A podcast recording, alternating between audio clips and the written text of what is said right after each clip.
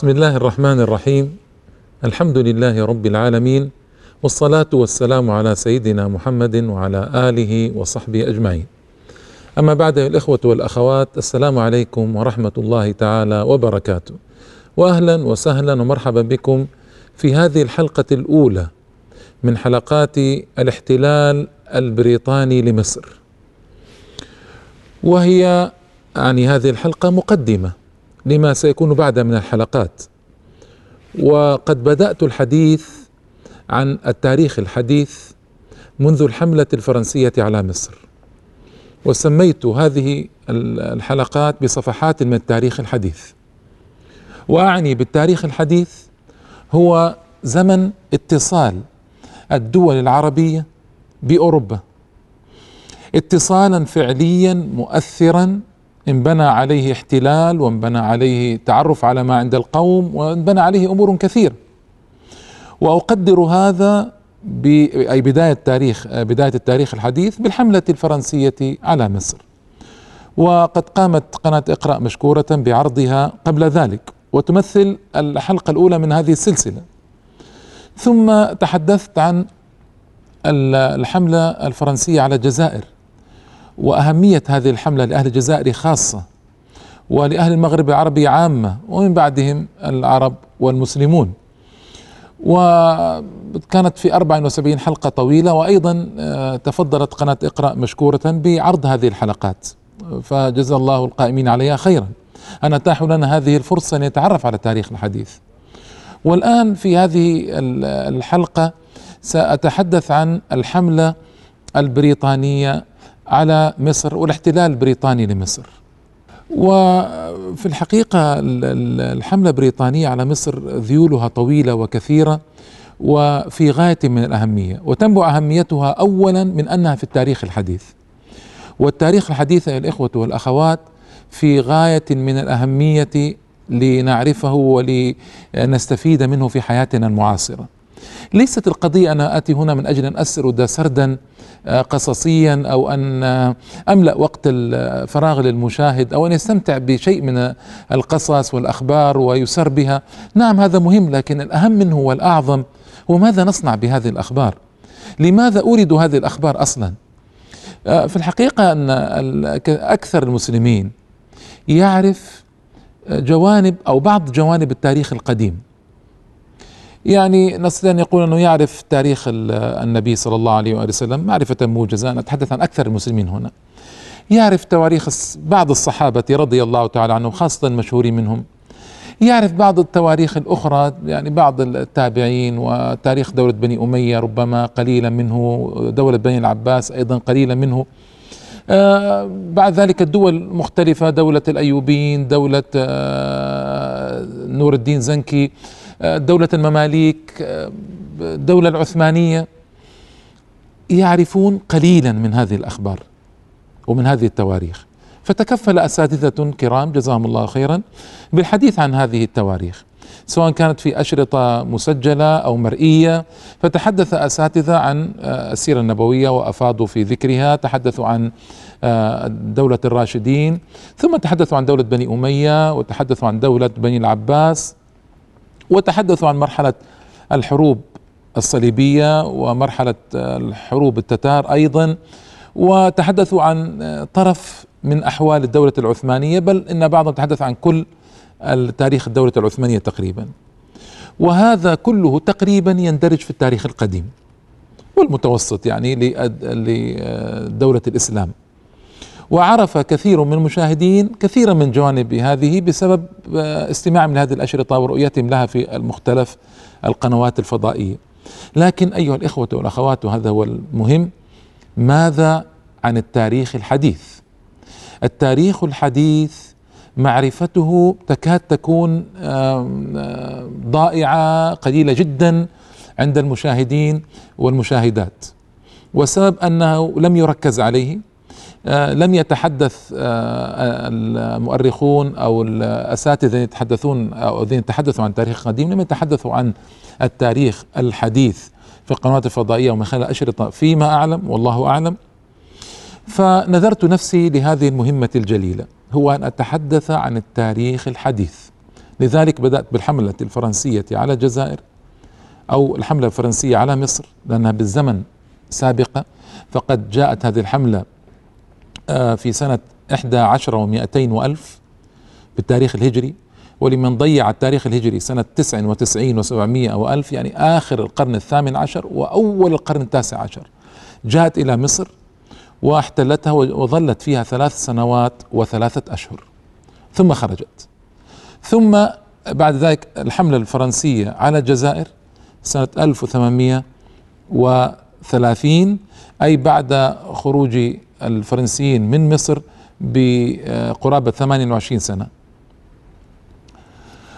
وهذا الخروج في الحقيقة خروج الفرنسيين جاء بعده حملة صغيرة سأتحدث عنها وهي مهمة جدا حملة فرايزر جنرال فرايزر على مصر 1807 لكن لأهمية الحملة على الجزائر ذكرتها أولا وأطلت النفس في ذكرها. ما هي أهمية أو جوانب أهمية التاريخ الحديث ومعرفته بالنسبة للمشاهدين والمشاهدات؟ نقطة مهمة في غاية الأهمية آه، هي أن نستفيد من عبره وعظاته في واقعنا. التاريخ الحديث مليء بالعبر والعظات. هو زمن تكون الدول الحديثة بالمعنى السياسي المعروف. هذا في التاريخ الحديث. يعني مثلا عندما نتحدث عن بلاد الملايو في الماضي ما كونت لتكون آه، بعد ذلك إندونيسيا وماليزيا وبروناي وسنغافورة وفطاني آه، وما كونت هذا التكوين إلا في التاريخ الحديث. الهند أيضا الهند الكبرى. ما كونت هذا التكوين لتكون الهند وبنغلاديش وباكستان إلا في العصر الحديث. يعني العصر الحديث هو عصر الدول وظهورها وتكوينها. أيضا التاريخ الحديث هو زمن آه، احتلال الدول الأجنبية لبلاد الإسلام وزمن استقلال بلاد الإسلام ولو كان استقلالا صوريا في كثير من بلاد الإسلام لكنه مهم زمن الجلاء والاستقلال لكثير من بلاد لكل بلاد الإسلام. هذا في العصر الحديث. أيضا آه العصر الحديث عصر تكون الجماعات الإسلامية وأثرها الضخم في الساحة بكل تنوعاتها وأطيافها واتجاهاتها وهي مكون رئيس للتاريخ الحديث. التاريخ الحديث شهد آه، دخول آه، اليهود إلى أرض فلسطين. واحتلالهم هذه الأرض المقدسة وتكوين دولة آه، ضايقتنا طويلا وإلى الآن ونحن نعاني منها أشد المعاناة وهي مصدر خطر وخطر عظيم جدا على بلاد الإسلام. العصر الحديث شهد آه، ميلاد جهاد رائع في التحسف آه، ضد التحسفيات في أفغانستان وفي الشيشان وفي العراق وغيره يعني العصر الحديث يموج بأحداث هائلة فمن المهم جدا أن نعرف العبر والعظات التي آه، في الحقيقة رافقت كل أحداث التاريخ الحديث ولنستفيد منها في يومنا هذا وزماننا هذا. يعني مثلا عندما نتحدث إن شاء الله نتحدث عن الاحتلال البريطاني لمصر. سيكون هناك كلام طويل عن اجتماع الدول الأوروبية ضد الدولة العثمانية وضد المصريين. وكيف فعلوا من أجل إجهاض تجربة محمد علي في مصر على ما فيها وسأذكر ما فيها من إيجابيات وسلبيات. وكيف صنعوا وكيف احتلوا مصر بالكيد والمؤامرة والخيانة وجرت أمور نستطيع أن نقول إنها تقريبا جرى مثلها في زماننا هذا في أحداث فلسطين وأحداث العراق هذه الأيام وغيرها. فلا بد من المهم جدا أن نتعرف على أحداث هذا التاريخ حتى نستفيد لأنه كما يقولون التاريخ يعيد نفسه. التاريخ وفعلا ثبت لدي يقينا أن هنالك أحداثا في التاريخ تتكرر تكاد تكون بحذافير سياقاتها تتكرر أمام الناس. ونقول هذا جرى قبل مئة سنة قبل مئة وخمسين سنة قبل مئتي سنة قبل سبعين سنة قبل عشرين سنة. وحسرة على العباد نقول جرى مثله ربما في السنة الماضية أو السنة قبلها. ف القضية خطيرة وخطيرة آه، جدا في الحقيقة يا الإخوة والأخوات. آه، أيضا آه، الوعي أهمية التاريخ الحديث في بناء الوعي لدى المشاهد والمستمع. كيف كيف يستطيع أن يبني وعيه لما يجري؟ كثير من إخواننا وأخواتنا الصالحين والدعاء ربما والمشايخ وطلبة العلم بل علماء ربما بعضهم وكثير جدا من عامة الناس آه، لا يكادون يعرفون آه، جوانب كثيرة مما يجري في العالم الإسلامي. فمناقشة التاريخ الحديث وذكر عبره وعظاته في غاية من الأهمية لبناء الوعي عند الفرد المسلم. كيف يفهم ما حوله؟ كيف يفهم تسلسل الأحداث؟ كيف يعرف مؤامرات الأعداء وكيدهم؟ كيف يستطيع أن آه، يفهم ما يجري حوله بناء على أحداث تاريخية معينة. وعندما ناقشت كثيرا من الإخوة في الحقيقة آه، وسمعت منهم كثيرا وسمعت أيضا بعض الأخوات آه، سمعت كلاما عجيبا يدل على ربما جهل يكاد يكون مطبقا في جوانب التاريخ الحديث. ما عندهم تلك المعرفة أو تلك السعة من المعرفة بالنسبة للتاريخ الحديث وهذا هذه مشكلة. ربما لأن هذا يعود إلى منهج التاريخ المدرسي الذي درسناه وكنا نمل جدا من حصص التاريخ المدرسية. نمل جدا من حصص التاريخ المدرسية والسبب هو أن لم يعرض التاريخ عرضا يحوي العبر والعظات والتوعية والاستفادة من احداث وعظاته في عصرنا الحاضر فكنا نمل.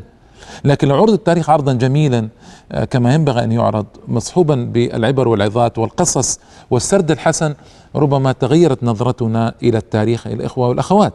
فيعني دراسة التاريخ المعاصر وأثر ذلك علينا أنا أرى والله أعلم أنها مهمة مهمة جليلة جسيمة. نعم من التعريف بالتاريخ الماضي آه، تاريخ الصليبيين والتتار و الدول المختلفة في ظني أنه مهم ومهم جدا لأنه أيضا فيه عبر وعظات كثيرة. لكن بعدت الشقة ونحن نريد أن نعرف زماننا وماذا جرى فيه.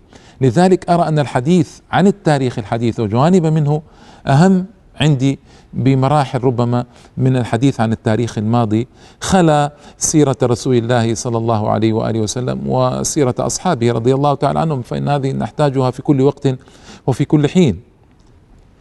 فأنا أرجو أن نتدبر معا هذه الجوانب أن نستمع إليها بعقولنا وقلوبنا وأفئدتنا قبل آذاننا حتى نستفيد الفائدة المرجوة حتى نستطيع أن نعالج الواقع المعاصر ببعض المعالجات التي جرت في التاريخ الحديث. حتى نستطيع أن نفهم الأمور التي حولنا ونحن اليوم الأمة الإسلامية تعاني ما تعانيه من كيد دولي كبير ومؤامرات هائلة. نحتاج إلى أن نفقه ونفهم الإخوة والأخوات واقعنا وأحوالنا حتى ننزل ذلك الواقع على زماننا الآن. وحتى نستفيد الفائدة الكبرى بإذن الله تبارك وتعالى. آه، بعد الفاصل سأتحدث عن آه، جوانب أخرى أيضا مما جرى إلى الآن من سرد التاريخ الحديث.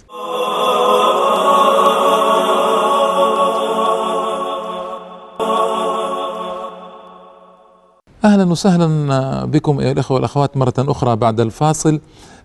كنت قد تحدثت عن بعض جوانب الأهمية للتاريخ الحديث. وبينت ما هو التاريخ الحديث واين يبدأ؟ وإلى الآن بفضل الله تعالى ومنته اكتملت آه، حلقتان من حلقات آه، التاريخ الحديث.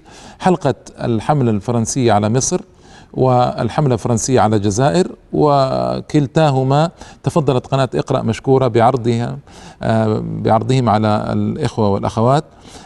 ونبدأ اليوم إن شاء الله تعالى بالاحتلال البريطاني لمصر وما فيه من عبر وعظات جليلة وعظيمة. آه، قبل ذلك أحب أن أشير أني ماض في هذا الباب باب التعريف بالتاريخ الحديث آه، تأليفا كتابة عرضا آه، أشرطة أتحدث عن الأعلام أيضا وقد وجدت مجموعة ضخمة من الأعلام في التاريخ الحديث يجب يجب أن تبرز سيرهم للأجيال يا إخوة ويا أخوات عندنا مشكلة القدوات.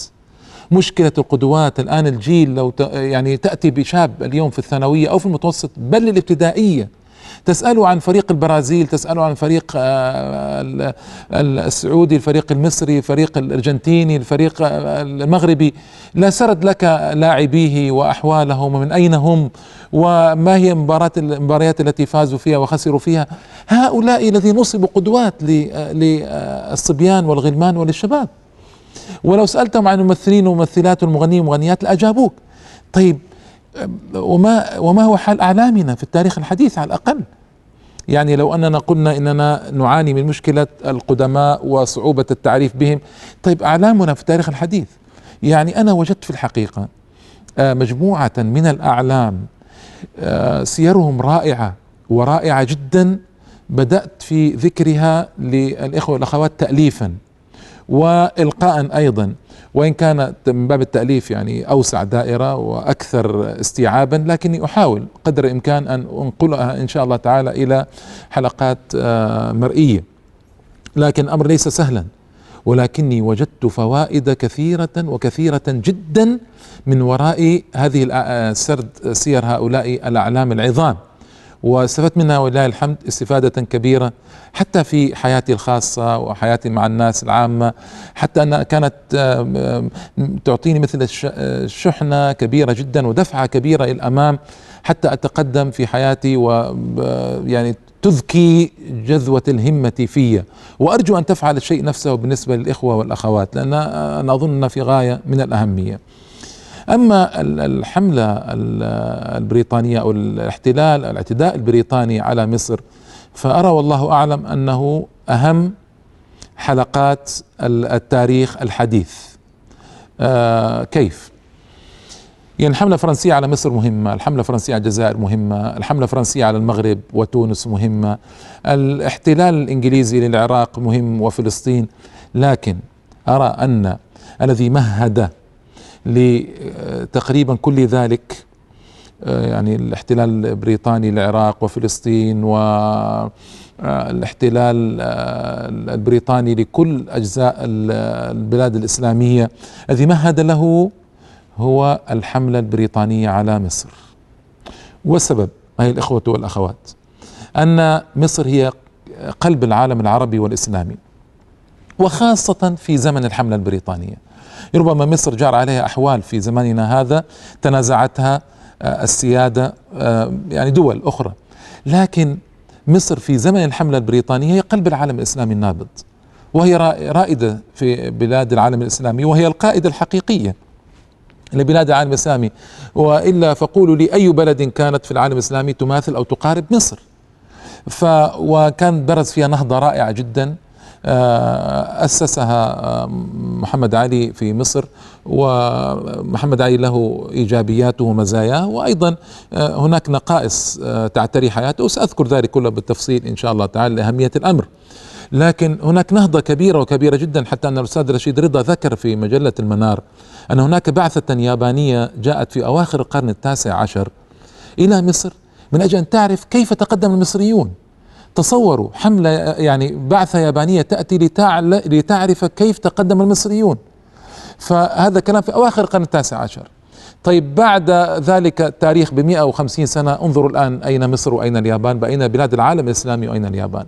هناك عندنا مشكلة كبيرة جدا في واقعنا المعاصر لابد أن نفهمها وأن نعالجها. لكن الحاصل أن مصر تقدمت تقدما كبيرا جدا فقضى على ذلك التقدم الاحتلال البريطاني لها. وعاث في الأرض فسادا كبيرا وكبيرا جدا ودام مدة طويلة آه، مدة آه، ثنتين وسبعين سنة دام الاحتلال البريطاني لمصر. وغير كثيرا في عادات وتقاليد أهلها ومدى التزامهم بالإسلام ومدى آه، تحمل تحملاتهم وتبعات قيادتهم للعالم الإسلامي آه، كل ذلك تأثر كثيرا بالحملة البريطانية على مصر. وحاولوا عزل مصر طويلا لكنهم بفضل الله تعالى ما استطاعوا وسأذكر لذلك شواهد لكن لكن الوضع العام في مصر تأثر وتأثر جدا. حملة آه، كانت خطيرة بكل المقاييس. كان سببها أو سبب آه، نجاح الحملة عوامل كثيرة جدا. ما هو وقت الآن؟ سأذكرها في مكانها لكن ثقوا أيها الإخوة والأخوات. أنه كان على رأسها الفساد الإداري والإسراف المالي الهائل والخيانة العملاء الذين نعاني منهم اليوم في فلسطين ونعاني منهم في العراق ونعاني منهم في أماكن كثيرة في العالم الإسلامي هم أيضا كان لهم كانوا السبب الأكبر في تثبيت أو نجاح الاحتلال البريطاني أو الحملة البريطانية على مصر. أنا أقول ذلك وأنا متألم لكن هذا هو الواقع. وهذا الذي جرى وطبعا هنالك ضعفنا نحن فسادنا نحن يا إخوة ويا أخوات. يعني لو لم نكن نحن قد نخرنا الفساد إلى العظم كما يقولون ما استطاع الأعداء أن يتغلبوا علينا. المشكلة دوما فينا ليست لأننا ضعاف والأعداء أقوياء ابدا يا إخوة ابدا. لابد أن نفهم هذا. لكن لأننا نحن تخلينا عن إسلامنا وديننا. وعندما عندما آتي إن شاء الله تعالى على ذكر أو سرد وقائع الاحتلال البريطاني لمصر سأذكر بالتفصيل إن شاء الله تعالى أسباب نجاح الحملة وأنه بسببنا نحن فقط لا غير وسيتحسر الإخوة والأخوات كما تحسرت طويلا عندما يسمعون هذا. يعني هناك حملة حملة فريزر الأولى ومحاولة بريطانيا أن تحتل مصر في 1807 1222 للهجرة.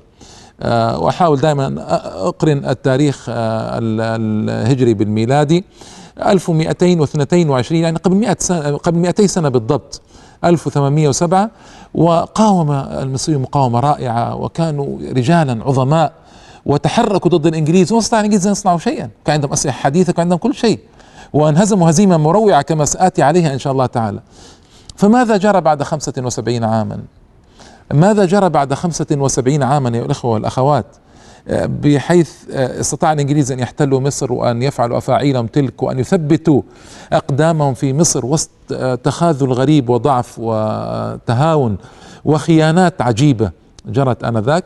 السبب واضح جدا وهو أنه في الخمسة وسبعين عاما استطاع الإنجليز وخاصة والأوروبيين آه، أو الأوروبيون عامة استطاعوا أن يلجوا في المجتمع المصري وأن يستميلوا بعض أفراده بطرق معينة وأن يؤثروا تاثيرا بالغا على حكام مصر تاثيرا أدى بهم إلى آه، امتلاك أماكن القوة الحقيقية في مصر آنذاك. فلما غزوا غزو مصر آه، سهل عليهم الأمر آه، أكثر بكثير من الحملة الأولى. وسأذكر هذه التفاصيل لكن أعود وأقول إن الحملة الإنجليزية البريطانية على مصر من أهم الحملات وأخطرها التي نتكلم عليها في هذه الحلقات إن شاء الله تعالى. وربما تكون أخطر حملة على الإطلاق أتحدث عنها بعد ذلك أو أخطر جوانب التاريخ الحديث. لأن ما خرج الإنجليز إلى بعد الثورة المصرية ثورة ضباط الأحرار وإلى بعد سقوط فلسطين آه، وما جرى ما جرى. وبعد آه، هوان طويل وذل طويل واحتلال أكثر بلاد العالم الإسلامي. ثم فرحنا بعد ذلك بالجلاء وكان جلاء يعني أقرب إلى أن يكون صوريا منه إلى الحقيقي. وساذكر سأذكر تفاصيل ذلك كله إن شاء الله تعالى في آه، الحلقات القادمة. فهذه الحلقة هي المقدمة. وسأبدأ الحلقة القادمة بذكر محمد علي باشا لأنه هو السلسلة الأولى في هذا الباب وهو المدخل الكبير والمهم إن شاء الله تعالى كما سأبين فيما بعد. أرجو أن أكون قد وضحت في هذه المقدمة اليسيرة. هدفي وأغراضي ووضحت أيضا أهمية هدفي وأغراضي من سرد هذا التاريخ ووضحت أهمية هذا التاريخ الحديث آه، وركزت على بعض الجوانب منه. وفي الحلقة القادمة إن شاء الله تعالى سنبدأ فعليا بسرد هذا التاريخ المهم. وإلى اللقاء أيها الإخوة والأخوات. والسلام عليكم ورحمة الله تعالى وبركاته.